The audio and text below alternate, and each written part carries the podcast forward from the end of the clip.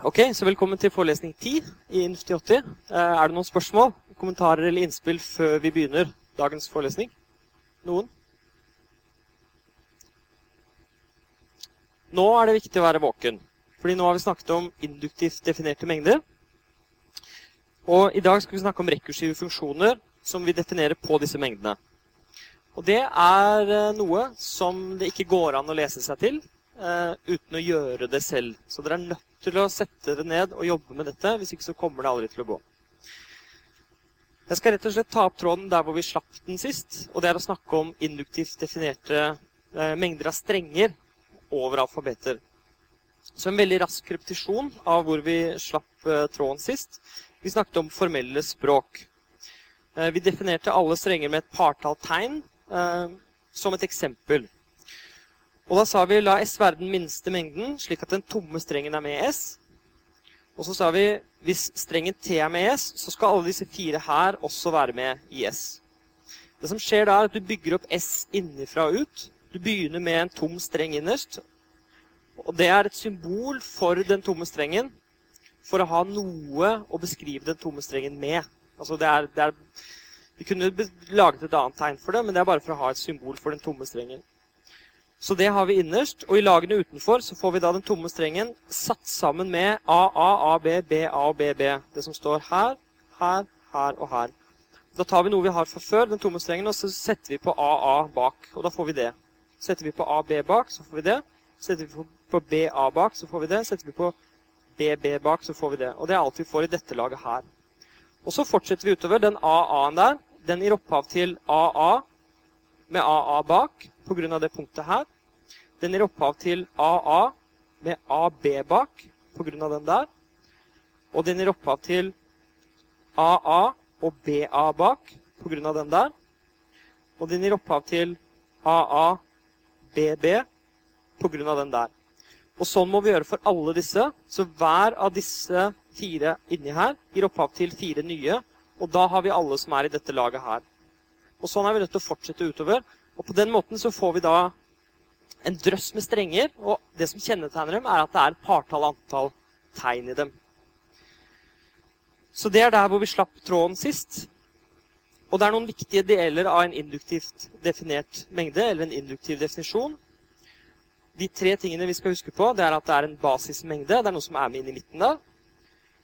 Og så er det en tillukningsegenskap. At hvis noe er med, så må noe annet være med. Så vi bare tar tillukningen under disse operasjonene. Og så tar vi den minste mengden som oppfyller de to kravene. At basismengden er med, og at den er lukket. Det er hele definisjonen av en induktivt definert mengde. Og dette gjør vi da på veldig mange forskjellige måter. Og vi kan variere de to tingene, altså hva som er basismengden, og hva som er operasjonene. Nå skal vi rett og slett fortsette der vi slapp tråden, og snakke om noen flere sånne formelle språk. Vi skal snakke om konkatenering av strenger. Så operasjonen som består av å slå to strenger, S og T, sammen til én, bare sette de ved siden av hverandre, ST, kalles for konkatenering. Skrivemåten S opphøyd i N, eller S med en liten sånn N oppe til øret, brukes som en forkortelse for strengen S gjentatt N ganger etter hverandre. For eksempel så vil A i tredje, B i tredje, være det samme som AAA, BBB. Det betyr bare at du gjentar A tre ganger, og du gjentar B tre ganger. Vi antar nå at S opphøyd i null, uansett hva S er, det er den tomme strengen. Uansett. Er det noen spørsmål til den før jeg går videre? Eller det jeg har sagt nå, før jeg går videre?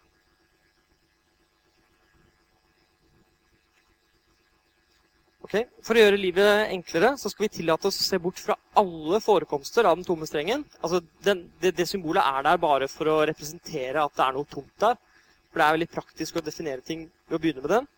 Og resultatet av å konkatenere en streng S med den tomme strengen, det blir bare S. Det vil si at den tomme strengen satt sammen med S, eller konkatenert med S, er det samme som S konkatenert med den tomme strengen, er det samme som S. Det er det som står nederst her. Så uansett, hvis vi har en forekomst av den, så bare kan vi se bort fra den. Nå skal vi bruke det til å definere et språk. Nå skal vi definere språket A-jente, B-A-jente. Og det er en ekstremt kompakt beskrivelse for et språk. Så det er altså ett språk over alfabetet som består av to tegn, A og B. Og det er mengden av alle strenger på den formen. Og det vil si denne mengden her. Den består av B alene, og det er det tilfellet hvor n er lik 0. Hvis vi setter inn n er lik 0, så får vi A i nullte, B A i nullte, men vi, vet at, vi har antatt at A i nullte er lik den tomme strengen, så dette er tom streng B, tom streng, og det er bare lik B. Og derfor står, så står det B der. Og så har vi også ABA med, og det er når n er lik 1. Og så har vi to a-er på hver side, det er når n er lik 2, osv. Så, videre. så vi får alle sånne som har en b i midten, og så like mange a-er på hver sin side. Dette er bare et eksempel, et leketøyseksempel på at vi kan definere det som kalles et språk over et alfabet. Definisjonen på et språk er at det er en delmengde av alle mulige kombinasjoner av tegn. Ja, det er også et språk. Det er det universelle språket. Det er det, som, det er det, språket som inneholder absolutt alt. Men de interessante språkene det er delmengder av denne store mengden. Og dette er én sånn delmengde. For eksempel så er ikke strengen AB med i dette språket. Vi kan også beskrive dette språket på denne måten. Vi har jo lært denne mengdenotasjonen. Altså mengden som består av alle strenger A jente, B, A jente, slik at, som vi leser den som, n er lik 0, 1, 2 osv. Og dette, det, egentlig dette er, er et sånn lite program som sier hvis n er lik 0, så skal du ha med resultatet av det som står der. Hvis n er lik 1, så skal du også ha med resultatet av det som står der, osv. Så, videre. så du skal ha med alle på den måten. Men um, vi kan også beskrive dette språket induktivt. Og det er det som er hele poenget med dette eksempelet. Som den minste mengden S. Det er sånn vi definerer induktivt definerte mengder. Som er slik at B er med. Det er liksom den minste strengen vi har med. Og som er sånn at hvis noe er med, og noe symboliserer vi her med T, så skal det noe være med hvor vi har satt A på hver sin side.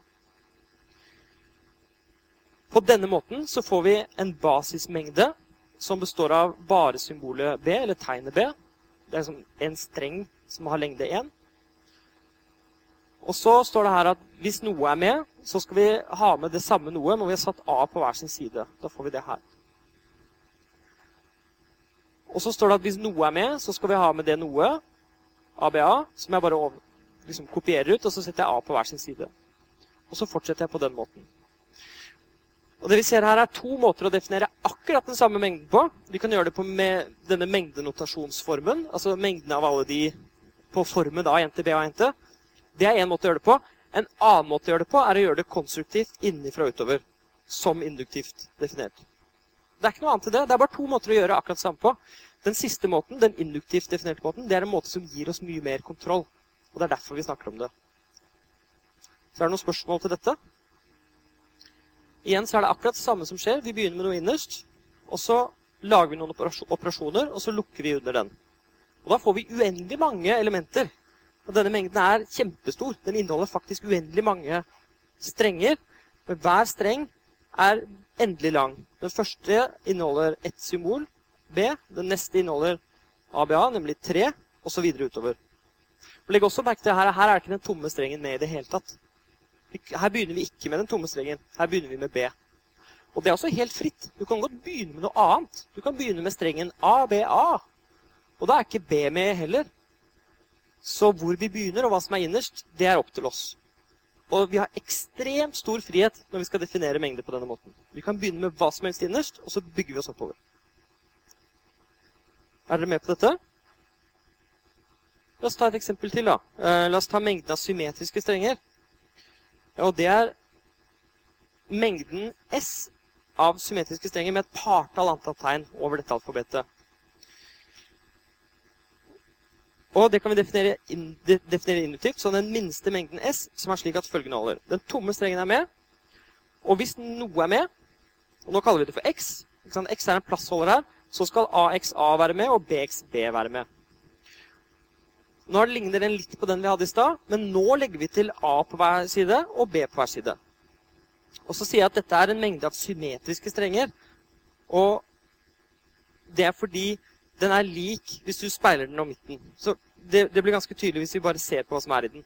Så det som er elementer i basismengden, det er den tomme mengden. Og det som vi får nytt i steg 1, det er jo da hvor vi legger til A på hver sin side. Og da får vi AA og BB. For der har du den tomme strengen innimellom, og så har du lagt til A på hver sin side. og så har du lagt til B på hver sin side. Da får du to nye elementer i steg 1.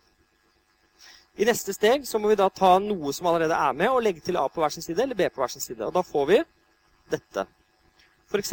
A, B, B, får vi fra BB ved å bruke dette steget her. Hvis noe er med, så vi, skal vi legge til A på hver sin side, nemlig her og her. Og Det vi gjør da, er å definere en mengde som består av alle disse strengene. Så kan vi fortsette sånn nedover. Og fra de fire som står over der, så får vi alle disse her som er nye. Og Grunnen til at de kalles for symmetriske, altså det er, det er bare per definisjon, det er at hvis vi setter en strek i en av dem, så ser vi at det er som speilvendinger av hverandre.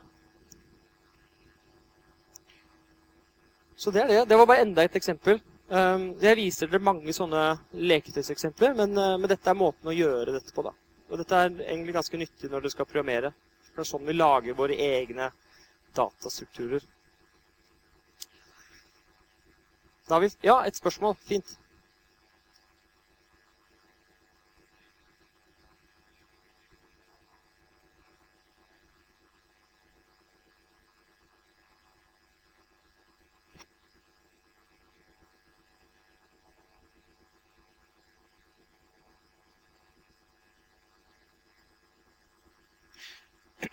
Spørsmålet er hvorfor jeg legger til eh, både A og B. Vel, det er to deler av denne definisjonen. Det står hvis X er med S, så skal AXA være med S.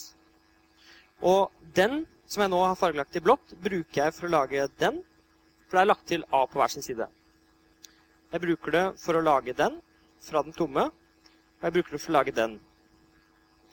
Eh, denne delen her, den sier hvis X er med S, så skal BXB være med. Så jeg skal legge til B på hver sin side. Og den bruker jeg til å få den. Og bare holde an litt. Den bruker jeg til å få den. Okay, la, meg ta, la, meg ta, denne først. Og de, disse her er de som jeg bare får med re, bare A-er og bare B-er. Ja, og så kan jeg begynne å kombinere dem. Jeg kan f.eks. ta BB, som jeg nå har en rød firkant rundt, og legge til A på hver sin side av den, og da får jeg denne her. Fordi da er den BB-en der det er den x-en her. For x-en er bare en plassholder. Og så sier den at hvis jeg har med x-en, som da står der, så har jeg lov til å legge til a på hver sin side, og det er det jeg har fått her og her. Da bruker jeg denne definisjonen her. Var du med på det? Besvarte det spørsmålet ditt? De nikker og sier ja, så jeg antar at de gjorde det. Og sånn kan man, man kan plukke ut en. da. Man kan plukke ut denne, f.eks. Og så kan man spørre seg hvordan, hvordan ble den til? Hvilken form er den på? Vel, den har A ytterst, så den er nødt til å være på formen AXA. Men hva er da X-en? Jo, X-en er den som står her. For her står det da AXA. Og så kan man spørre BAAB. Hvilken form er det på? Jo, det er på formen BXB. Og hva er X-en da? Jo, da må X-en være den der. Og så står det en B foran på hver sin side. Og det er måten å få eh, den der på. Og hvordan kan vi få AA? Jo, det er på formen AXA, hvor X er den tomme strengen, så den kommer derfra. Så sånn kan vi spore eh, Vi kan begynne med noe og så se på hvilken form det er på, og så spore oss helt tilbake. Og det skal vi bruke veldig mye nå når vi skal snakke om funksjoner. Er det andre spørsmål til dette? La oss ta et annet eksempel, eller gå videre til bitstrenger. For bitstrenger er en veldig spesiell type strenger. Så vi skal nå definere mengden av bitstrenger, og vi skal jobbe med det resten av kurset. Så en bitstreng kan godt defineres som en endelig sekvens av nuller og enere. Og da er vi ferdig. Det er det. Det er det en bitstreng er, da. Det er ikke noe annet enn det. Det er en endelig streng av nuller og enere. Men vi kan også definere det induktivt, og da får vi en bedre kontroll over mengden. Så la oss definere bitstrenger på følgende måte. Mengden av bitstrenger er induktivt definert som den minste mengden som er slik at 0 og 1 er bitstrenger. Og hvis B er en bitstreng, så er B0 og B1 også bitstrenger. Og det denne definisjonen gjør, er å gjøre det innifra ut. Og da begynner vi med 0 og 1, og så jobber vi oss ut derfra. Så la oss se på hvordan det egentlig ser ut. Aller først så har vi 0 og 1. Og så sier definisjonen at hvis noe er med, og det kalte vi for B, så skal B0 og B1 være med. Nå er B en plassholder. Nå lar vi, B være 0 og 1, Og da får vi eh, 0, 0 ved å legge til 0 bak B. Vi får 0, 1 ved å legge til 1 bak B. Hvis vi lar la B være 1 i stedet, og legger til 0 bak, så får vi 1, 0. Og hvis vi lar B være 1 og legger til 1 bak, så får vi 1, 1. Og da er vi ferdig med dette steget. Nå kan vi gå videre til neste steg. Og da må vi igjen gjøre dette her og legge til 0 og 1 bak 0, 0. Vi må legge til 0 og 1 bak 0, 1. Vi må legge til 0 og 1 bak 1, 0. Og bak 1, 1. Og så må vi fortsette. Eh, vi må legge til 0 og 1 bak hver av disse. Og da får vi dette bildet her. Og det er på denne måten induktivt definerte mengder blir laget. Det er noe innerst. Det er basismengden. Og så er det en operasjon som vi lukker under, og da får vi alle.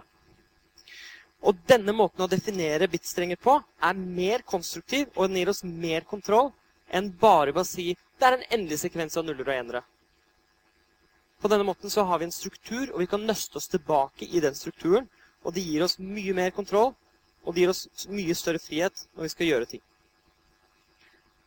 Så dette her er en måte å definere mengden av bitstrenger på. Og det er noen kommentarer. Den tomme strengen er ikke med. Og det kan vi velge. Vi kunne godt tatt med den tomme strengen. Helt greit, det. Men i dette tilfellet så gjør vi ikke det. Så i vår verden nå så eksisterer det ikke en tom bitstreng. Og det andre er at uh, 0 er med, 0-0 er med, 0-0-0 er med, og 0-0-0-0 er med. Og det er kanskje litt slitsomt, fordi vi er vant til å tenke på de som den samme, nemlig null. At det ikke er noe forskjell på dem. Men nå snakker vi om strenger. Nå snakker vi ikke om tall. Så dette er ikke en definisjon av binære tall. Det er en definisjon av strenger. Og strengen 0-0 den er forskjellig fra strengen 0. Fordi den ene inneholder to tegn, og det gjør ikke den første. De representerer det samme binære tallet, men på forskjellige måter. Er dere med på det? På samme måte som 0,1 er det samme som 1, hvis du tenker på det som en verdi. Men det er to forskjellige strenger. Og Nå snakker vi om syntaks og nå snakker vi om strenger, så vi er nødt til å være så nøyaktig faktisk hele tiden.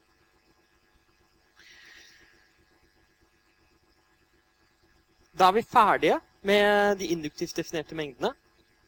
Så er det noen spørsmål igjen? Ingen?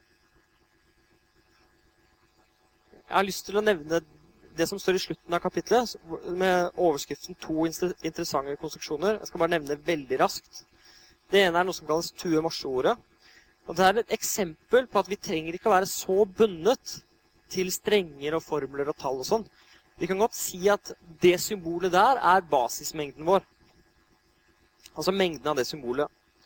Og så kan vi lage en operasjon som sier at hvis noe er med, så skal du legge til noe annet. Og i dette tilfellet, hvis noe er med, så skal du ta en kopi av det du hadde, legge det tilbake, og så skal du flippe alle fargene over. Og du skal bytte grå med blå og blå med grå. Så det jeg har gjort her, er å bare sette to grå inntil hverandre, og så bytte grå med blå i den bakerste. Er dere med? Og det jeg skal gjøre nå, er å kopiere den der og sette den inntil hverandre, men så flippe den bakerste delen. Så jeg kopierer den ned helt, helt likt der. Jeg lager også en kopi og setter den her. Men samtidig som jeg setter den ned, så bytter jeg fargene. Så dette kan også representeres med bitstrenger. Jeg kan godt kalle dette for 1. Jeg kan kalle dette for 1-0. Jeg kan kalle dette for 1-0 og 0-1. Så måten å gjøre det på, det er å da ta denne her, som er 1-0 0, 1, og kopiere ned. Og sette en kopi bak. Helt identisk. Men så flipper jeg alle sammen bak, sånn. Og da får jeg den med åtte tegn som står der. Og måten å gjøre det på med farger er sånn der. Så jeg bare kopierer den ned og flipper alle. Så fortsetter jeg sånn. Og fortsetter sånn og fortsetter sånn. Og det du får da, det er en veldig spesiell mengde eh, symboler. Og hvis du bare sier at jeg er egentlig interessert i den uendelig lange sekvensen som disse her nærmer seg, fordi alle nærmer seg en, en sånn streng som er uendelig lang, den kalles for Tue-Morse-ordet. Og dette er ikke pensum, men jeg nevner det som et eksempel på at de objektene vi jobber med, kan godt være bilder. Og nå har denne en interessant historie, men det går langt utenfor eh, pensum å snakke om, så jeg skal la være. Hvis ingen spør, og det ser jeg noen gjør. Så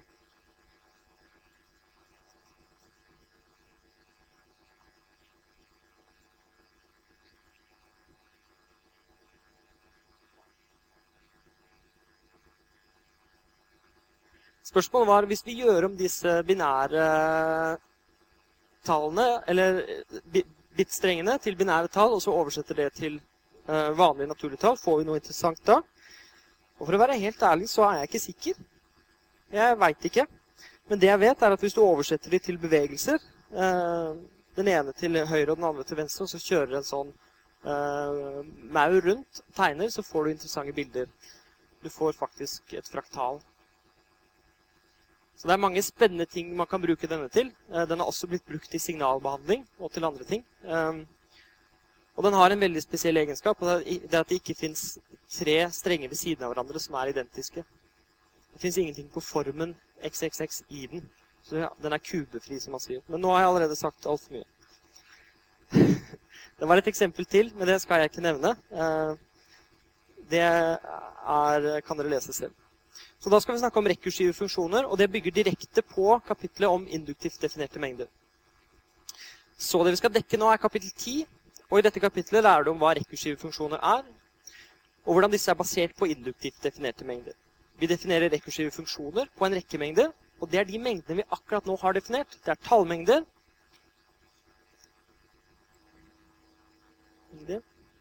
Bitstrenger utsagnslogiske formler, lister, binære trær og formelle språk. Så det er agendaen vår nå.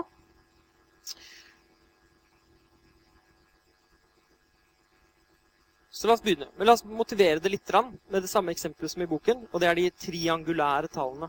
Og dette er for å gi dere et eksempel, eh, sånn at dere kan ha en motivasjon for å snakke om rekursive funksjoner. Så la oss nå lage stabler av sirkler. Hvis jeg stabler én sirkel bare, så får jeg én sirkel bare. Hvis jeg stabler tre på denne måten, så får jeg tre. Dere er med så langt? Hvis jeg stabler tre til oppå her, da får jeg seks. Hvis jeg stabler og lager en ny sånn triangel eller en ny trekant, hvor mange får jeg da? Hvor mange sirkler må jeg legge til for å få en ny trekant? Fire. Hvor mange får jeg totalt da? Ti.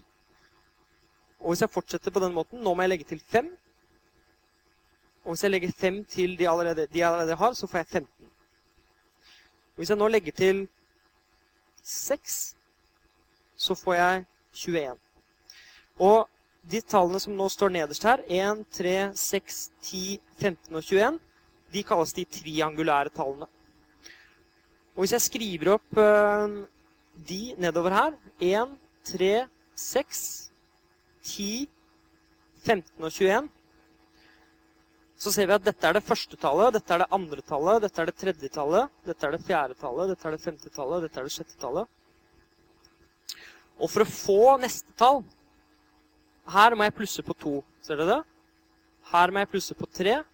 Her må jeg plusse på fire. Her må jeg plusse på fem. Og her må jeg plusse på seks. Hva tror dere det neste blir da? Da må jeg plusse på 7. Da får jeg 28. Det vi ser her, er en måte å regne ut det neste tallet på, på bakgrunn av det foregående. Hvis jeg nå skal regne ut ett til, så kan jeg se på det forrige tallet og få det neste helt direkte. En måte å uttrykke dette på symbolsk er å si at det triangulære tallet som har nummer n pluss 1 i rekken, det skal være lik det forrige triangulære tallet. Og la oss gå inn og ta et helt konkret eksempel.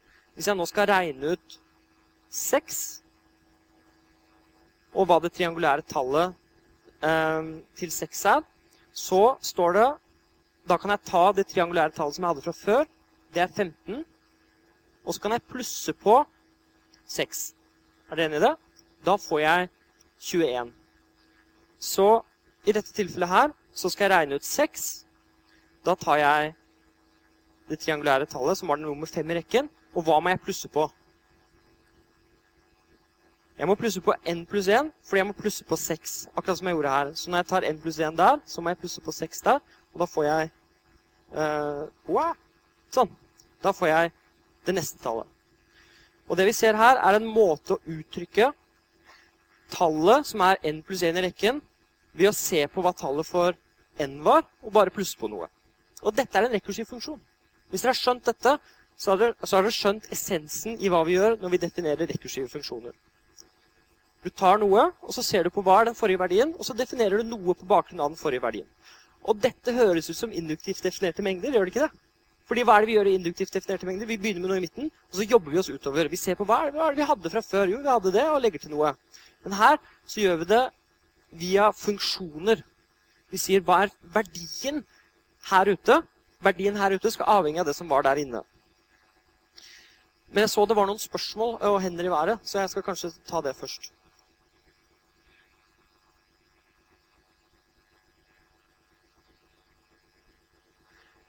Eh, kommentaren var veldig fin. Du sa det gjelder også de tallene som går oppover her. 1, 2, 4, 7, 11 og 16. Der er det også sånn at her plusser du på 1, her plusser du på 2, her plusser du på 3, her plusser du på 4, og her plusser du på 5. Det er helt riktig. De kalles vanligvis ikke de triangulære tallene.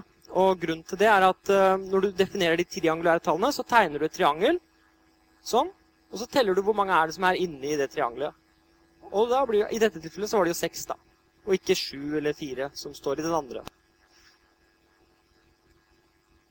det er, samme, det er bare en annen, Spørsmålet var er det bare en annen rekke eller en annen sekvens, og det er det. Men den, den er forskjellig med bare ett tall. da. Eh, så den treffer nesten. På samme måte så kan man definere de kvadratiske tallene. Har dere sett de? Hvis man setter, eh, lager et kvadrat, så får man fire stykker inni den. Hvis man lager et annet kvadrat, hvor mange får vi inni her? Ni. Det er derfor de kalles for kvadrattall. Kvadrattallene. Du kan godt lage eh, femkanttallene og sekskantallene og syvkanttallene osv. Og også.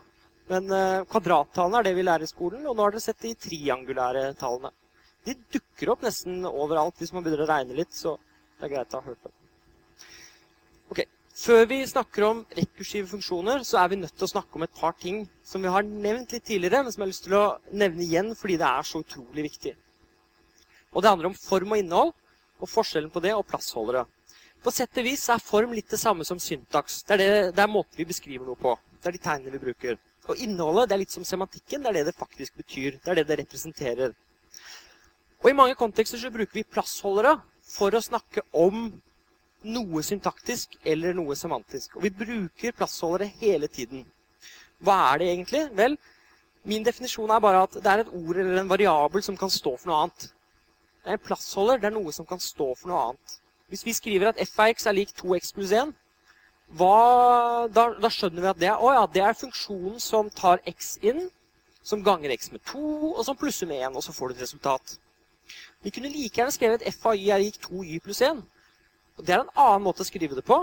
Så nå har det en annen form, altså hele dette uttrykket. Men det representerer det samme, og her er Y plassholderen. Vet du hva, Vi kunne like gjerne skrevet en boks. F av boks er lik to boks pluss én. Hvorfor ikke?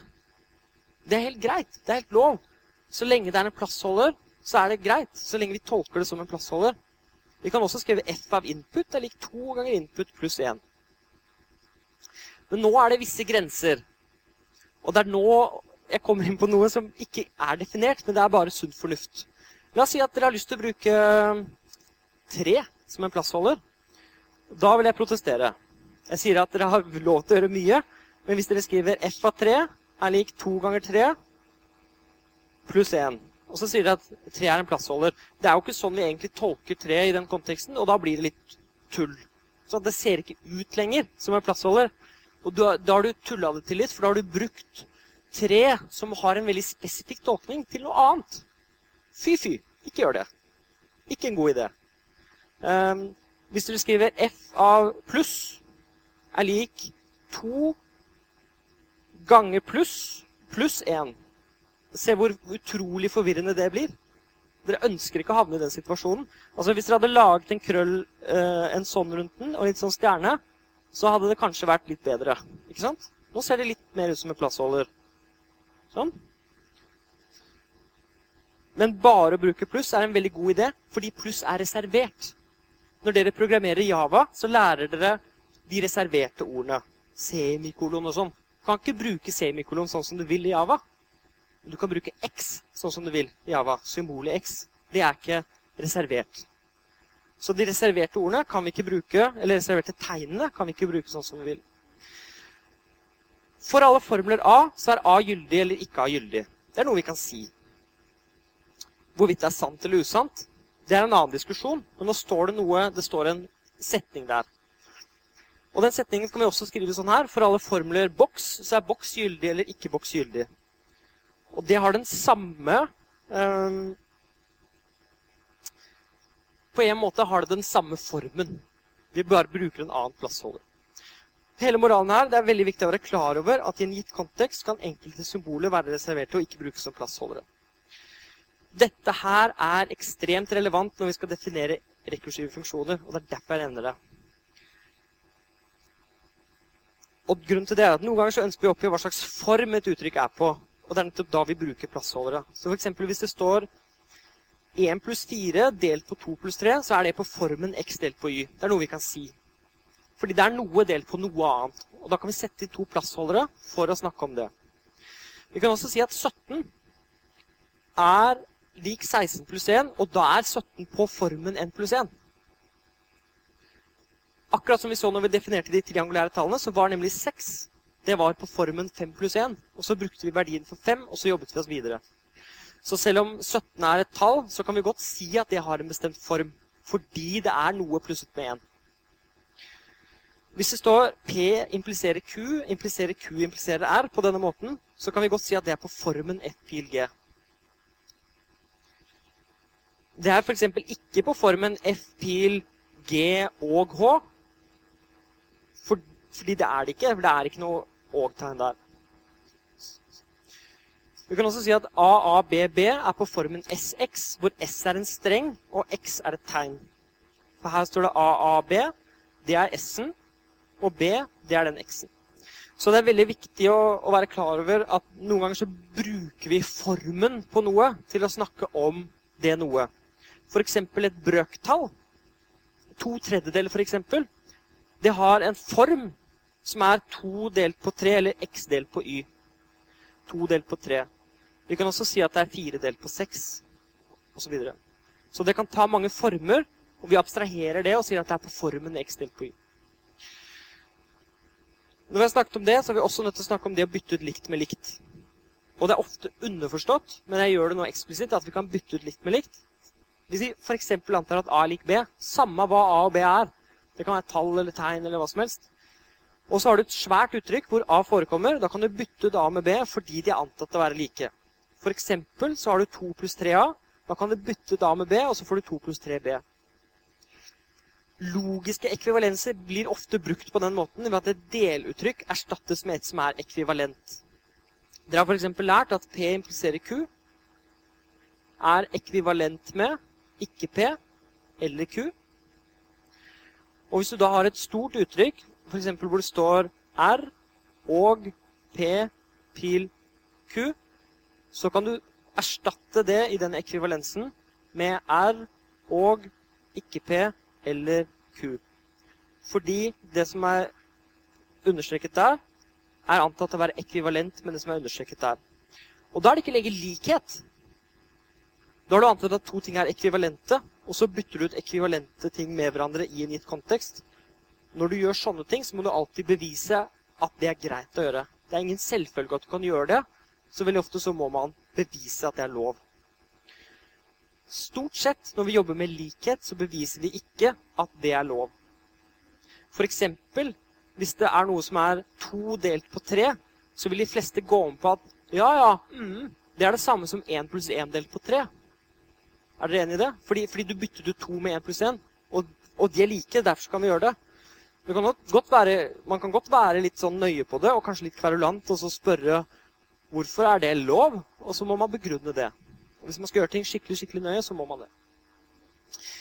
Så nå har jeg satt ord på et par ting som vanligvis ikke settes ord på. Og det er for å gjøre rekursive funksjoner mer forståelige. Så nå skal vi snakke om hva det er. Og rekursjon betyr å løpe tilbake eller komme tilbake eller returnere eller gjøre noe om igjen og om igjen. Um, og det kommer fra latin, det ordet. Men det vi skal gjøre nå, er å bare definere det rett ut. Så hvis en mengde M er induktivt definert, og det har vi nå jobbet mye med, så kan vi definere en rekursiv funksjon f med definisjonsområde, som er den mengden vi har definert. Det kan være tall, det kan være bitstrenger, utsagnslogiske formler eller et eller annet språk på følgende måte. Først så tar du hvert element i basismengden, og så spesifiserer du en verdi. Se for dere at dere står med en malingskost igjen, og så har dere en stor induktivt definert mengde. Og så begynner dere å male innerst. Dere maler alt som er i basismengden, og gir det en eller annen farge, en eller annen verdi. Og Metaforen her er, det er det du får når du anvender funksjonen på de elementene der. Og da er du fri. Du kan velge hva du vil. Hva vil du at verdien til disse små um, innerste elementene skal være? Og dette kalles basissteget, eller basistilfellet for funksjonen. Det er det fargelige alt som er innerst.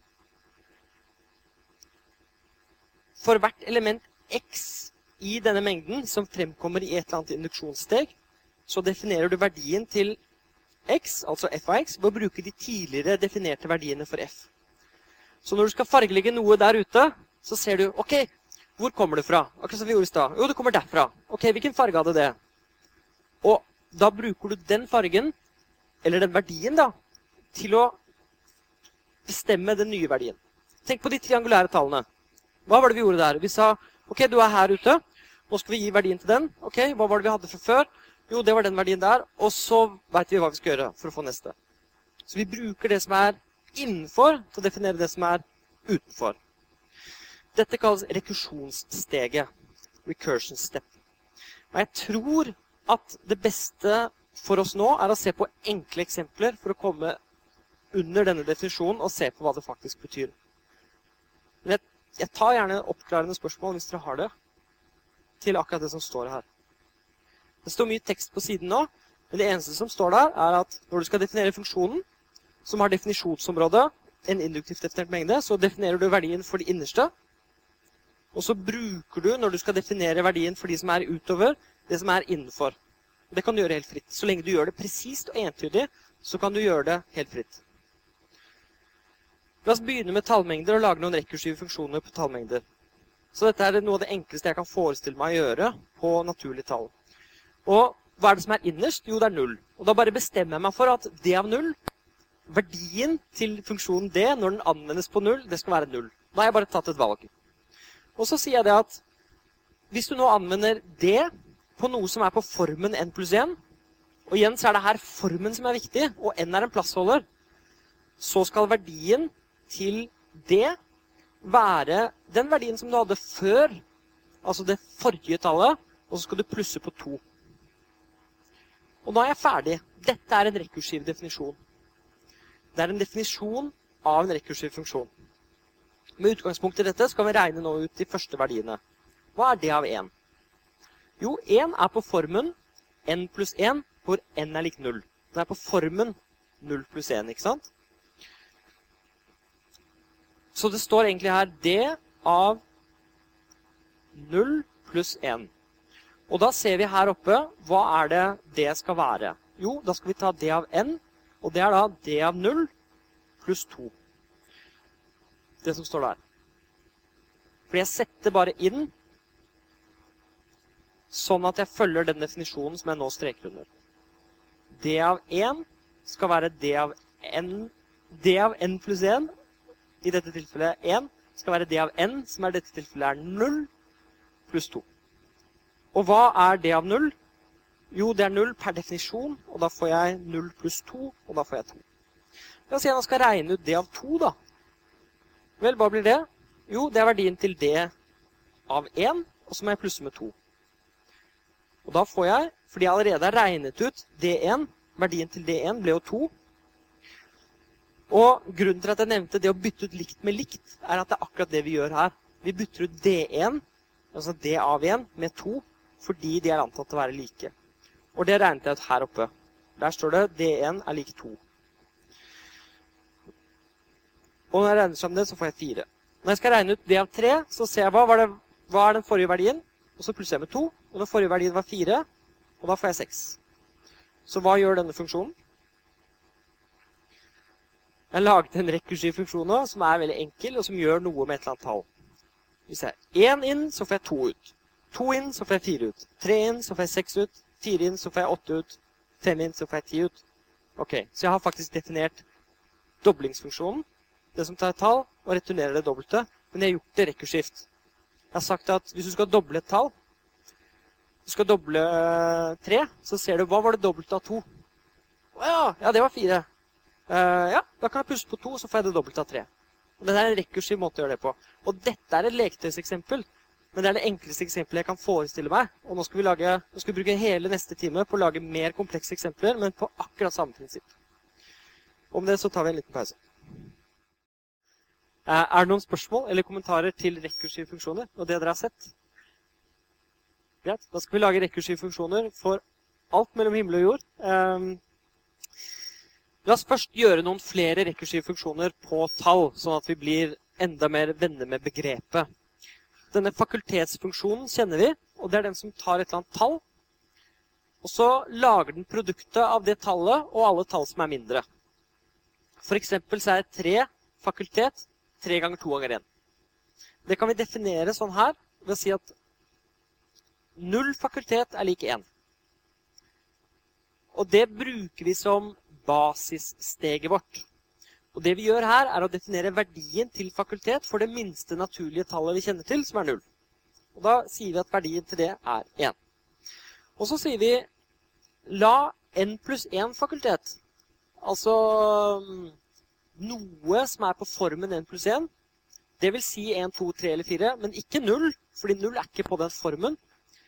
Det skal være n pluss 1 som står her, ganget med n fakultet. Som er da fakultetsfunksjonen på et tall som er mindre. Så la oss se på hva dette blir, og hva definisjonen gir oss. Vi regner ut de første verdiene til f ved å bare følge definisjonen. Én fakultet, det er 0 pluss 1 ganget med 0 fakultet. Og 0 pluss 1, det er 1. Og 0 fakultet, det er også 1. Da får vi 1 ganger 1, og det er 1.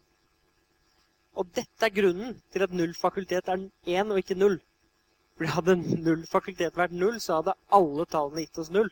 Og det er veldig kjedelig. Det hadde fått en veldig fin funksjon. Men det er funksjonen som alltid gir deg 0, uansett hva du legger, tar som input. To fakultet, det er da Da må vi se på formen til 2. Formen til 2 er 1 pluss 1 hvor n er 1. Og da skal vi ta n pluss 1, som da blir 1 pluss 1, som igjen da er 2, ganget med 1 fakultet. Og det vi får da, er det som står der. Og hvis vi regner ut 1 pluss 1, så får vi 2. Og hvis vi ganger det med 1 fakultet, som vi allerede har nå har regnet ut 1 fakultet er 1. Byt, og da bytter vi ut altså 1 fakultet med 1 her. Da får vi 2. Så fortsetter det sånn. Tre fakultet, det er da 2 pluss 1, som er 3, ganget på to fakultet, og da får vi 6. På tilsvarende måte så får vi dette her, som blir 24. Det som er viktig å merke seg her, er at det er formen på argumentet til funksjonen som bestemmer verdien. Så når vi har argumentet 4, så er 4 på formen 3 pluss 1. Vi regner ut hva verdien til 3 blir, og så bruker vi det til å regne ut verdien til 4. 4. Fibonacci-tallene kan defineres rekursivt på følgende måte.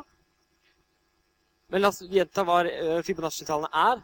Ehm, det er de tallene du får hvis du begynner med 1 og 1. Du kan godt ta med 0 her. Ehm, og hvis det er sånn at du tar summen av de to foregående tallene, så da får vi 2, fordi 1 pluss 1 er lik 2.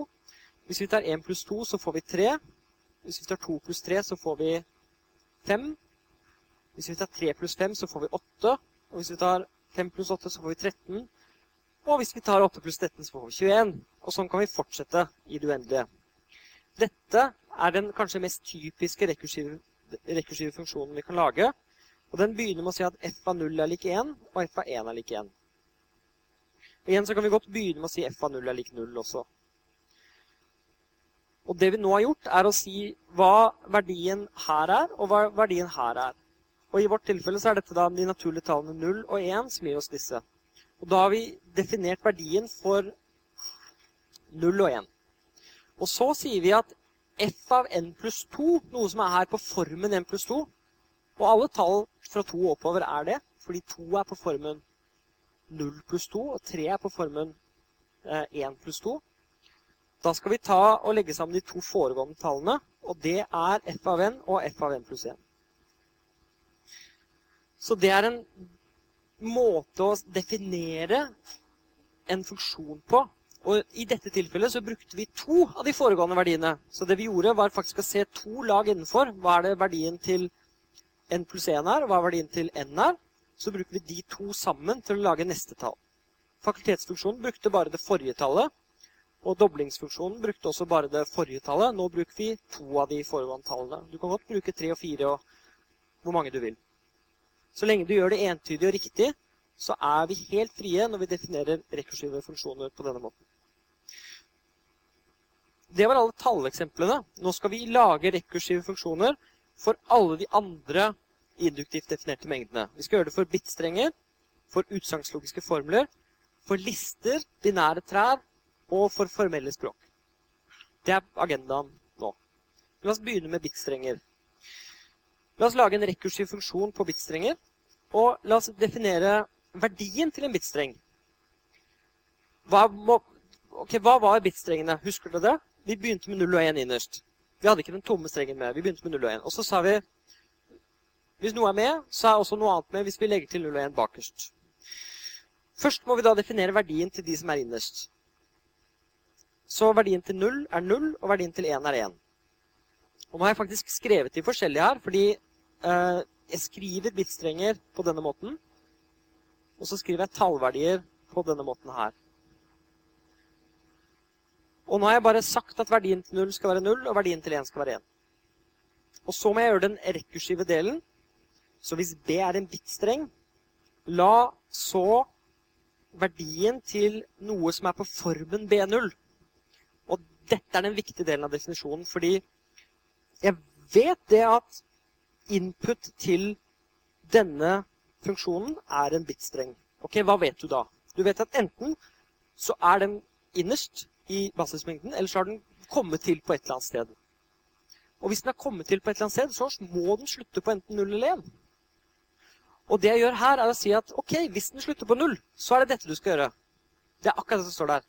Kan godt hende at det slutter på 1, og skal, det skal vi også si, men det må slutte på enten 0 eller 1. Og en måte å uttrykke det på, at den slutter på 0, det er å si at den er formen B0, hvor B er et eller annet annet. Og nå kan B være tom. Spiller, det, altså Nei, faktisk ikke. Eh, B kan ikke være tom. Stryk det. Eh, den funker allikevel, fordi definisjonen er såpass generelt, men i vår kontekst har vi definert bitstenger til å være 0 og 1, og så alt som bygges opp derfra. Så vi er, faktisk ikke den tom. Vi, er, vi, definerer faktisk ikke funksjonen for den tomme strengen. Og det er egentlig ganske ålreit, for hva skulle verdien til den tomme strengen ha vært? Skulle det vært null? Ja, men, eh, men det gjør vi altså ikke. Og det vi må gjøre nå, er å si hva er det verdien skal være. Og nå er vi også helt fri. Nå bare gjør jeg noe. Jeg tar et godt valg, men jeg sier at det skal være to ganger med verdien til B. Fordi B er jo nå noe som er en bitstreng. Så da undersøker jeg hva det er, og da får jeg et tall. Faktisk tall, og så ganger jeg det med to, og så er jeg ferdig. Det er det jeg gjør hvis input slutter med null. Men jeg må også si hva jeg skal gjøre hvis input slutter med én. Og da skal jeg gjøre det samme, men jeg skal i tillegg legge til 1. Og dette viser seg å være en god definisjon. Men vi skal nå se på dette bare som en eller annen rekursiv funksjon i et hav av alle, masse mulig, hvor vi kunne gjort hva som helst. Vi kunne ganget med 10 og plusset med 20. Spiller ingen rolle. Vi, så lenge vi gjør det helt entydig og bruker de foregående verdiene, så får vi en rekursiv funksjon som følge av det. La oss bare se hva den gjør. Hvis, for nå har jeg definert funksjonen fiks ferdig. Dette er alt dere trenger å gjøre for å definere en rekursiv funksjon. Og så skal du anvende den på 1.0.0. Hvilken form har den på? Det er det du skal spørre da. Vel, den har, den har formen B0. Fordi her så står det noe, og det er B-en vår, og så slutter den på 0. Så den er på formen B0. Da sjekker vi hva er det vi skal gjøre da. Vi skal ta to ganget med verdien til B, Og det er det. Så da gjør vi bare det. Vi setter inn to ganger med verdien til B som står der. Og Jeg vil egentlig at vi skal stoppe der. Ja. Og hvis det er noen som ikke er helt komfortable med det jeg har gjort til nå, er nødt til å si fra.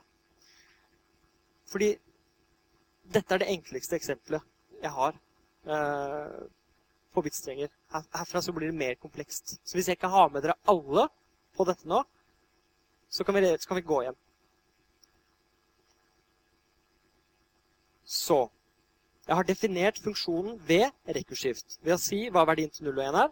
Og jeg har også sagt hva jeg skal gjøre hvis noe slutter på 0 eller 1. Hvis du slutter på 0, så skal jeg gange noe med 2. Jeg skal ta to ganger verdien til det jeg får når jeg putter inn B. Og det gjør her at jeg, hvis jeg tar 1, 0, 0, så må jeg ta to ganger med verdien til 1, 0. Per definisjon av V.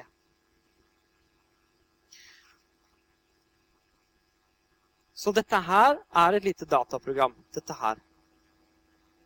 Sammen med dette her, da. Det er greit. Men det dette sier, er at hvis, du, hvis dataprogrammet får noe inn som slutter med null, da skal dataprogrammet gå videre og sjekke det som er igjen hvis du kapper bort null, altså B-en.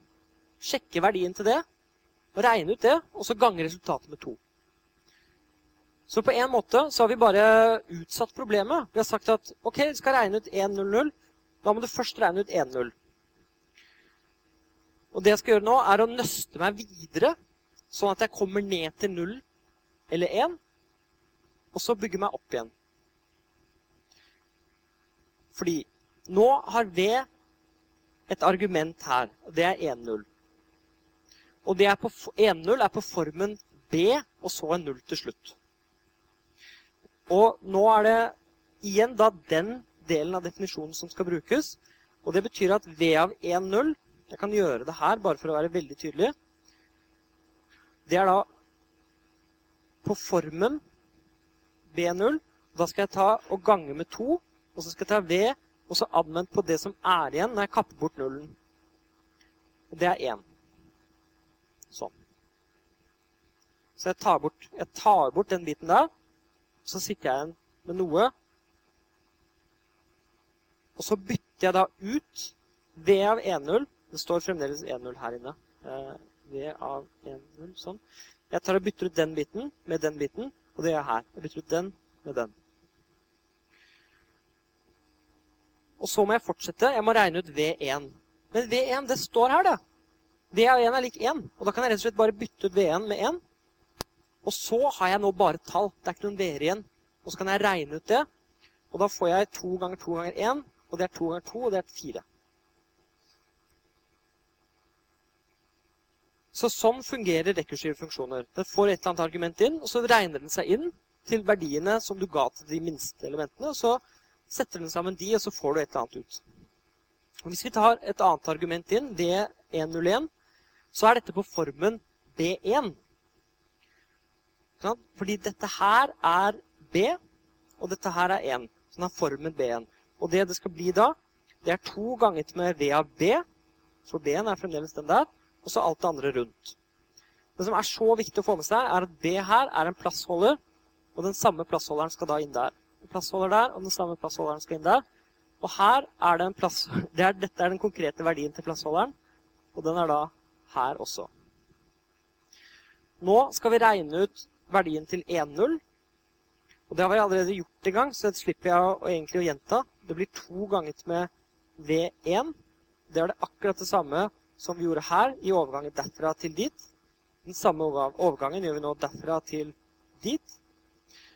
Vi har regnet ut V1 fra før. Det er bare 1. Det betyr at vi kan sette inn det tallet som V1 er, og det er bare 1. Og så er det bare tall igjen, og så kan vi regne, og så er vi ferdige. Vi får at dette blir 5.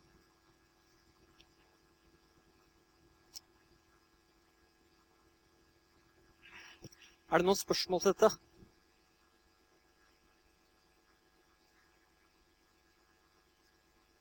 La meg vise dere et bilde, og så gå tilbake og spørre igjen eh, etter det bildet om det er noen spørsmål.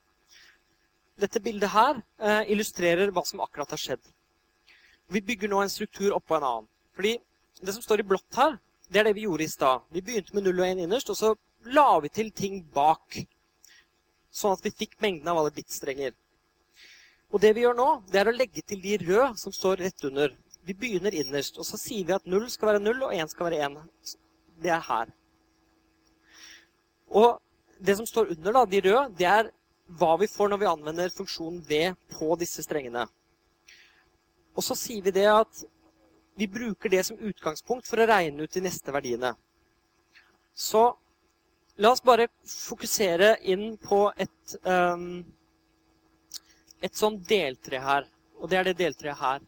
Eller den trenger vi ikke kalle det tre. det spiller ingen rolle. Sånn. Vi ser at alle disse så står det null under. Hvorfor det?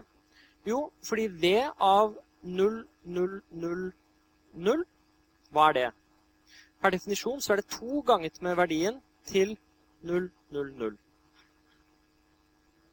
Og V av 0, 0, 0, det er to ganget med verdien til V av 0, 0. Og V av 0, 0, og sånn fortsetter det. Det gikk to ganger med verdien til 0. Og V av 0 har vi bare definert til å være 0. Og da blir dette her 2 ganger 0, osv. Så, videre. så alt blir 0 oppover. 2 ganger 0. Dette her blir også 2 ganger 0. Og det er derfor jeg har skrevet 0 under alle sammen. Fordi dette blir, alt blir 0. Så det er alle, alle de som har 0 i seg.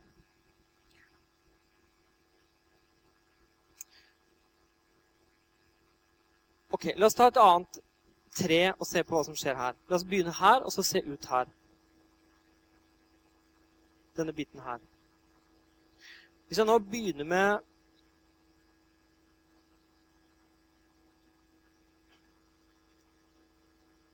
én her, så har jeg bare valgt den verdien. Jeg har sagt at en bitstreng som er 1, skal ha verdien 1.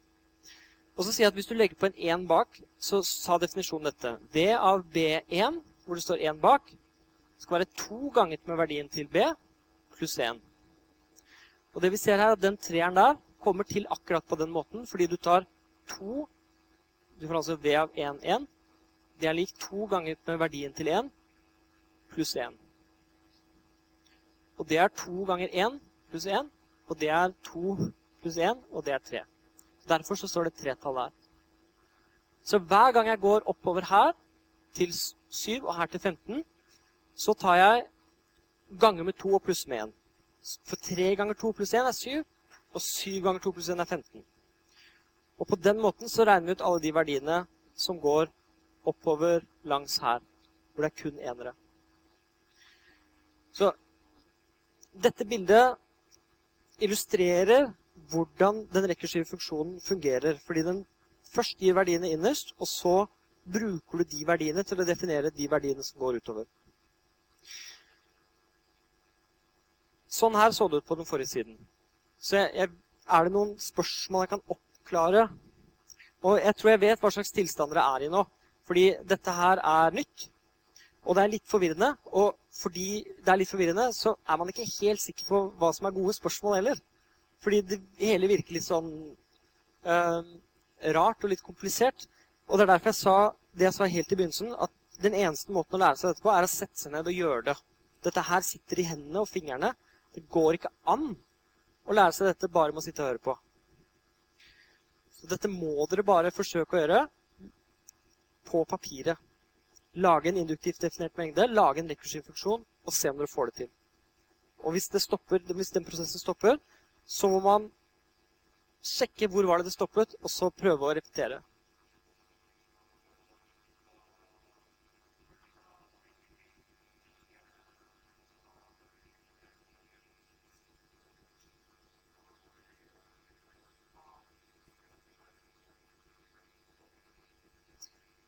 Spørsmålet var når vi definerer en rekursiv funksjon, må vi da samtidig definere den induktivt definerte mengden som mengden av bitstrenger?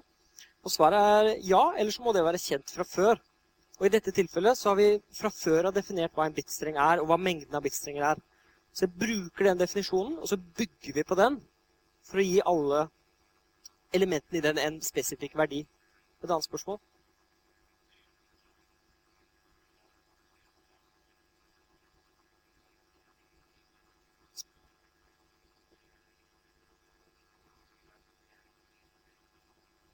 Spørsmålet var eh, følgende. Du bare definerer eh, noen regler, som V0 er lik 0 og V1 er lik 1, eh, og noen andre regler for hva som følger, og så følger jeg de. Og det er helt riktig. Og det du også sa, var det kunne vært noe annet enn 2 og 3. Det er også helt riktig. Vi kunne sagt noe helt annet her. Vi kunne, sagt at V av V0 det er lik 83 ganget med B Altså ikke B. Det blir feil. Da blander du typer VAB pluss 6. Du kunne sagt, kunne sagt, V av B1 er lik noe annet. Så lenge du gjør det helt presist, så får du som resultat en funksjon. Du kunne også sagt at V0 er lik minus 70, og V1 er lik 8300. Og det spiller faktisk ingen rolle. Det du gjør her, er å lage noen regler. Og de reglene er sånn at du bruker dem til å fargelegge det som er innerst, og gi dem en verdi. Og så lager du noen regler for hvordan du skal gi de andre verdi på bakgrunn av det. Så først så sier du hva den skal være, og hva den skal være. Og så lager du deg en regel som sier ok, på bakgrunn av den, hva skal den være, og hva skal den være? Og på bakgrunn av den, hva skal den være, og hva skal den være? Og så fortsetter du sånn, og så lager du en verdi for absolutt alt som er utover. Men du er nødt til å gjøre det systematisk. Du kan ikke bare si hva V av 0 er, og hva V av 1 er. Du må også si hvordan de skal forplante seg utover. Og du kan heller ikke bare si hva V av B0 er, for det kan hende at noe slutter på 1. Da må du gi en verdi for det også. Så det jeg skal gjøre nå, er å gi dere enda flere eksempler, sånn at dette her kommer inn på en eller annen måte i, i tankegangen deres. For dette er en tankemåte. Dette er en måte å definere funksjoner på som er veldig spesiell, og som dere kommer til å møte resten av studiet. Eh, Det er et annet spørsmål.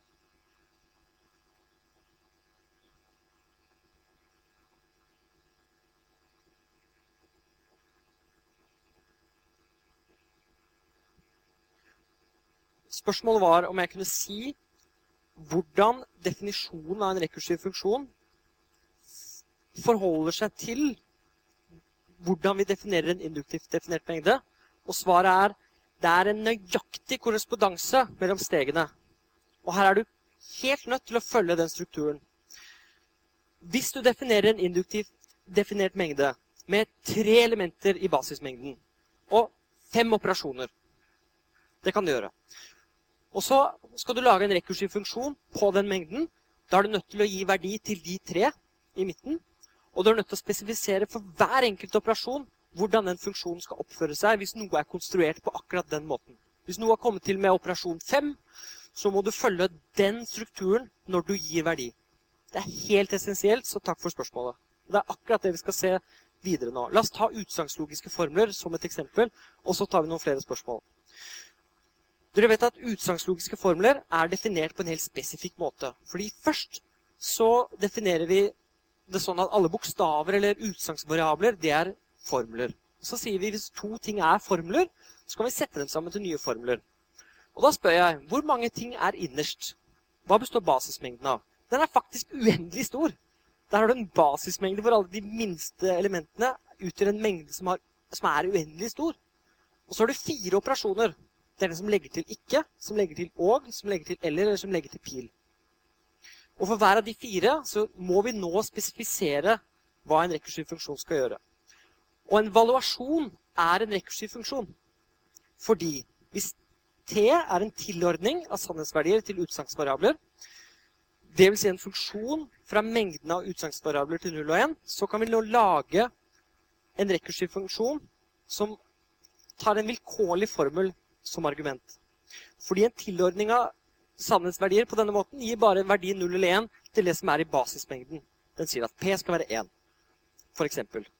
Q skal være 0, for eksempel. R skal være 1, for eksempel.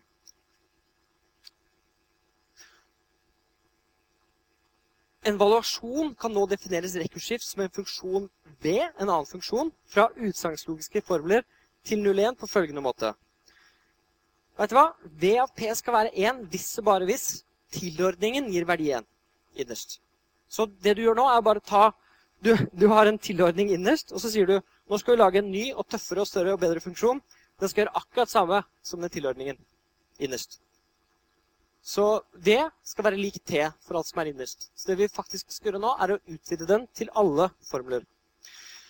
Så dette er basistilfellet i definisjonen. Og så sier vi at V av ikke F, hvor argumentet nå har formen ikke F, og F er en eller annen annen utsagnslogisk formel, skal være lik 1 hvis og bare hvis V av F er lik 0. Og dette er essensen i den rekursive biten, fordi du sjekker hva verdien til F er. Og så sier du hvis den er 0, så skal verdien til ikke F være 1. Og hvis verdien til F er 1, så skal verdien til ikke F være 0. Og Det er derfor det står hvis og bare hvis. Så de skal, de skal følge hverandre helt. Og på samme måte er det med og. Hvis du får det som input, eller en, en formel på formen F og G, så skal den få verdien igjen hvis og bare hvis begge får verdien igjen. Og det samme med eller, og det samme med pil. En pilformel skal ha, få verdien sann hvis og bare hvis f av f Nei, v av f er lik 1 impliserer at v av g er lik 1. Og disse fire punktene utgjør rekursjonssteget i definisjonen, i den definisjonen av en valuasjon som vi nå ser. Det siste steget, eller det siste punktet, kunne også vært sånn her. V av f pil g er lik 1 hvis og bare hvis v av f er lik 0, eller v av g er lik 1. Det, det blir akkurat det samme, og det har dere sett i utsagnslogikk. Fordi formelen f pil g er alltid ekvivalent med ikke f eller g. Og Dette var bare et annet eksempel på at vi kan ta en induktivt definert mengde. Og så kan du velge deg verdi for alt som er innerst. Og så kan du på den måten få verdien til alle. Så du lager deg en funksjon og spesifiserer hva den funksjonen skal gjøre for alle elementer. La oss nå se på lister og binære trær. Lister var definert som eh, noe vi kan få ved å begynne med den tomme listen og ved å legge ting inn i en liste. Det var sånn vi definerte lister. Husker dere det? Så hvis vi hadde en, en X, og så hadde vi denne operasjonen her, som gjorde det sånn at hvis vi har L, så setter vi X inn i L. For eksempel, hvis jeg har 2, og ønsker å sette 2 inn i en liste som jeg allerede har, med 1 og 3 for eksempel, så får jeg listen som består av 2 og 1 og 3. Det er den induktivt definerte mengden som har som basismengde den tomme mengden. Og alt jeg kan få ved å sette inn ting, det utgjør den induktivt definerte mengden. Jeg kan lage lister over tall, hvor jeg setter inn tall i lister. Jeg kan lage lister over tegn i alfabetet, hvor jeg setter inn tegn i alfabetet i lister. Og jeg kan lage lister av lister osv. Men det er alltid en underliggende mengde som jeg plukker elementer fra, og de putter vi inn i listene. Nå skal vi lage en rekursiv funksjon som regner ut lengden av en liste. Så vi ønsker å definere en funksjon, og den kaller vi bare for LEN. Eller vi bare sier lengden. Fra lister til naturlige tall, så definisjonsområdet er, er mengden av alle lister. Og verdiområdet er mengden av naturlige tall, slik at hvis L er en liste, så er lengden av en liste skrevet sånn antallet elementer i listen. Og Måten å gjøre det på, det er å definere den rekursivt på følgende måte. Og Da er vi først nødt til å spesifisere verdien for det minste elementet, og det er den tomme mengden. Og lengden til den tomme listen er lik null. Så dette her er den tomme Det symboliserer den tomme listen. Hvis jeg sa den tomme mengden, så mente jeg ikke det. Det er den tomme listen. Og lengden er null. Og så kommer det interessante steget, og det er hva hvis du har en sammensatt liste? Og igjen så er det formen på argumentet som er så viktig. Hvis noe kommer inn til denne funksjonen, så er det enten en tom liste, eller så er det på formen x, hvor du har satt x inn i L. For det er måten vi definerer lister på induktivt. Og det vi har lov til å gjøre nå, det er å si hva verdien til dette skal være, avhengig av verdien til det som går forut for. Og det vi kan anta er gitt da, det er at lengden til L allerede er regnet ut. Sånn. Lengden til L Vi kan anta at den allerede fins og ferdig fiks regnet ut. Så det vi gjør, da, er 1 pluss lengden av det. Det som skjer i praksis da, er at vi får noe inn. Ja, se dere får noe inn, da. Du får en liste med 1, 2, 3, 4. Så tar du bort det første elementet. Og så regner du ut lengden av resten, og så plusser du resultatet du får da, med 1. Så fortsetter du sånn. Fordi når du kommer inn til 0, så vil jo lengden av den være 0. Så la oss bare bruke dette til å regne ut lengden av ABC-listen. Det er en liste som består av tre tegn, og lengden av den er 3. Og det er ganske intuitivt. Men å gjøre det rekursivt, det er, det er, det er eh, følgende. Lengden til den er per definisjon følgende. Fordi denne her, listen som består av tre elementer, A, B og C, er nemlig på formen X satt inn i L. Hvor X er A, og L er listen som består av B og C.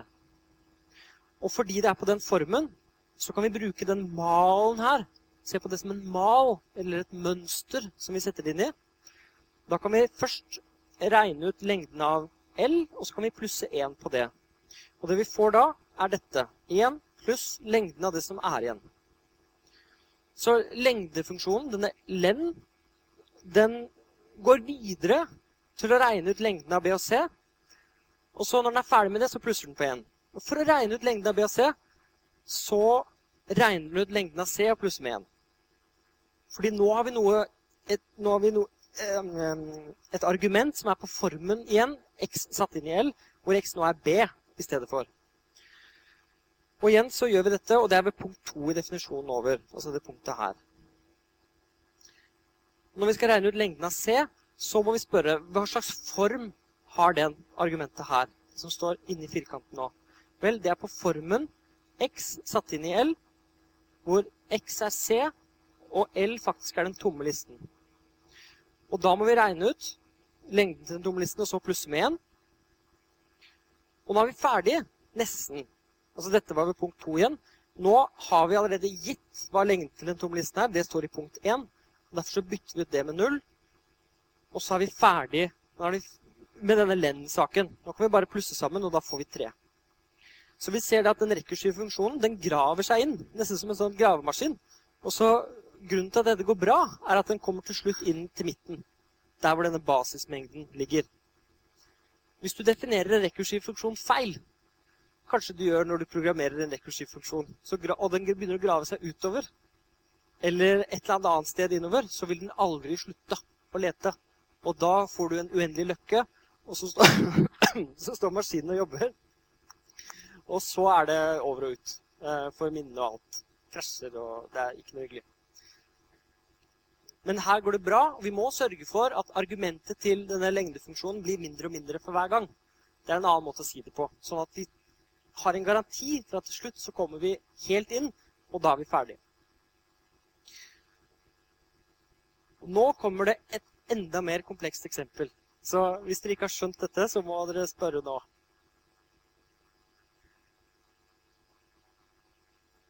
Nå skal vi gjøre noe kult, syns jeg, da. Det var, noen, det var noe noen spurte om etter forrige, forrige forelesning. Og det var Kan du sette to lister sammen? Og nå skal vi gjøre det. Um, nå skal vi definere denne pluss-saken der, som gjør dette. Den bare setter de listene sammen. La oss si du ønsker deg det. da. Du ønsker deg noe som tar to lister, og som setter det sammen. Og så ønsker du å lage en rekursiv funksjon som gjør det. Og det i utgangspunktet er ikke en enkel oppgave. Men nå skal jeg vise hvordan man kan løse det rekursivt. Og her, er, her, skal jeg gjøre et triks, og det er å si at vi skal ta og lage en plussfunksjon som tar to argumenter. Den tar en liste og en liste. Så la oss begynne. Hva er den tomme listen plusset med M? Jo, det må jo bli M selv. Fordi hvis du setter sammen den tomme listen med noe, en liste M, så får du den tomme listen ut. Så det, Dette er det jeg ønsker, og derfor så bare definerer jeg det sånn. Og nå skal jeg prøve å være litt smart, og det er å si at vet du hva, M kan være hva som helst. M er en plassholder, som i dette tilfellet her er denne listen her. Og hva som er inni der, bryr vi oss ikke spesielt mye om. Så jeg skal faktisk la, forestille meg at den står stille, og at ingenting skjer med den. Og så skal jeg se hva er formen på det som står foran pluss. Og jeg kan argumentere for at det som står foran pluss, altså til venstre for pluss, enten må være en tom liste eller en sammensetning. Og hvis det er en sammensetning, så ønsker jeg å gjøre dette. Og da står det fremdeles noe pluss m sånn som det står her. Men det som står foran, det er en sammensetning. Mens her oppe så var det en tom liste. Hvis det som står foran, er en sammensetning, så ønsker jeg å først regne ut sammensetningen av L og M, for L er bitte litt mindre. Og så setter jeg X inn i den. Og nå er det flere som er litt forvirra og tenker Hva skjedde nå? Det var jo så enkelt når vi begynte. um, så la oss se på et eksempel på hvordan dette her funker. Og så bare være veldig veldig nøye og så se på hva denne rekursive funksjonen gjør. Hvis jeg nå skal bruke den på to argumenter Listen som består av 1 og 2 og 3 og 4, hva er det jeg ønsker meg? Jeg ønsker meg listen som består av de fire tallene. Ikke sant? Men hvordan funker denne definisjonen? Vel, det som er foran pluss, dette her, det er på formen x satt inn i L. Så 1,2 er på formen x satt inn i L, nemlig da 1 satt inn i listen som består av 2. Og da må jeg sjekke definisjonen her oppe. Det er altså 1 som er satt inn i listen som består av 2. Det er det jeg har som argument. Og så plusser jeg på noe. Da skal jeg ta 1, som er x-en, og så sette inn i det jeg får hvis jeg prøver å slå sammen listen som består av 2 Den ble veldig liten. Listen som består av 2 sammen med listen som består av 3 og 4. Så det jeg, ser, det jeg prøver å gjøre her, er å oversette problemet mitt til et som er enklere å løse. Et som har mindre kompleksitet. Og det er å sette sammen en liste som består av to med tre og fire. Så per definisjon så får jeg da dette. Jeg har bare skrevet der, nøyaktig det jeg skrev her. Og så ser jeg at her inne er det et delproblem som jeg først må løse. Og nå er det noe igjen som er på denne formen her. Og så regner jeg ut det. Og det jeg får da, er at jeg skal ta to som står der, og sette inn i det jeg får hvis jeg slår sammen den tomme listen med tre og fire. Det er fordi det som står i den svarte firkanten her, det er det som står her. Det har den formen. Hvor det første her, dette her, x satt inn i L, det er nå denne toeren der. Og da passer dette mønsteret her. Og intuitivt Altså intuisjonen er at vi først regner ut denne mindre um, det, situasjonen, eller den som har mindre kompleksitet. Og så, fordi jeg nå har at Og dette er ved punkt to. Og fordi jeg nå har at det som står understreket der, er på denne formen der, så står det der hva det blir. Og da kan jeg bare glemme den tomme mengden der. Det blir bare 3-4, det som er igjen. Og nå er jeg ferdig med den tunge biten, for nå er det ikke noen plusser igjen. De plussene var her, og det jeg jobbet meg mot, det var å fjerne de plussene. På samme måte som i stad, hvor vi brukte funksjonen, og så kom vi bare til et regnestykke. Og nå er vi igjen i den situasjonen at vi har et regnestykke hvor vi setter to inn i listen som består av 3 og 4, og én inn i listen som består av 2, 3 og 4, og så er vi ferdig. Så dette var et eksempel på en litt mer kompleks um, rekursiv funksjon. Men prinsippet er det samme. Vi definerer hva verdien er for de innerste elementene, og så jobber vi oss utover. Det er faktisk sånn at De innerste elementene her er den tomme eh, listen. Fordi vi ser på formen til dette her, og så er dette her bare sånn vedheng som er med hele tiden. Denne M-en her endrer seg aldri. De går aldri inn og ser på strukturen til M-en. Det vi faktisk undersøker, det er, det, det er, strukturen til det som står på venstre side av pluss.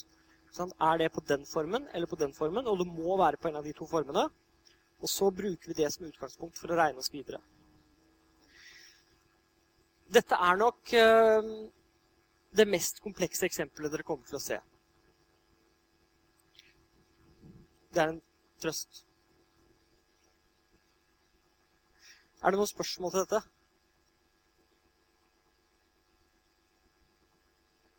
La oss ta et annet eksempel. Um, la oss si at jeg har lyst til å definere en annen funksjon, map, på lister, som er sånn her at uh, hvis jeg tar en liste inn som består av uh, Så jeg tar intuisjon først. Listen består av 1, 2 og 3. Og så ønsker jeg å lage en funksjon, en funksjon f. Jeg har lyst til å anvende en funksjon f. Jeg har lyst til å lage en funksjon som gir meg en ny liste. Og det er resultatet av å anvende en funksjon på hvert element i listen. For eksempel, hvis f er en funksjon som ganger noe med 4, så ønsker jeg å få en ny liste ut. Og det er listen som består av 4, 8 og 12. Og måten å gjøre det på, det er å si at vet du hva, da skal du lage en funksjon map. Og den skal ta en funksjon inn, sånn. Og så skal ta en liste inn, sånn. Og så skal den anvende funksjonen på alle elementer i listen. Dette er igjen et eksempel på noe som er litt høyere ordens. Jeg lager en funksjon som tar en funksjon inn, og som anvender funksjonen på alle elementer i en liste. Det som skjer hvis jeg gir funksjonen f inn og en tom liste, så får jeg en tom liste ut fordi å anvende funksjonen på alle elementer i listen, det gir meg ingenting. Nå kommer det interessante steget. Hvis jeg nå tar en funksjon inn, så får jeg en sammensatt liste inn, noe som jeg har den formen der, x satt inn i listen L, så hva må jeg gjøre?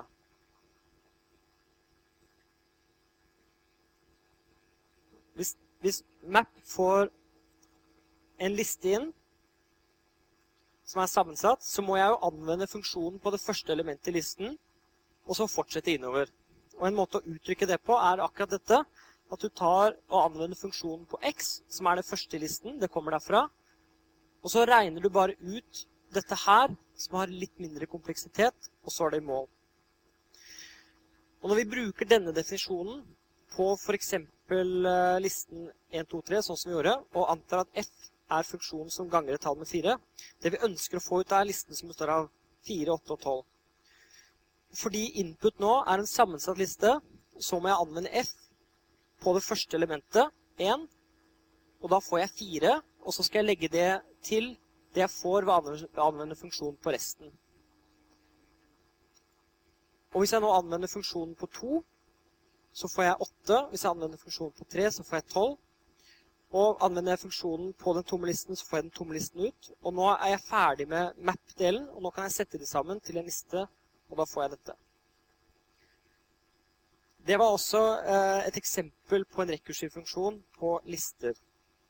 Neste gang så tar vi en repetisjon, og så lager jeg rekursive funksjoner på binære trær og på språk. Men det blir ikke vanskeligere enn dette.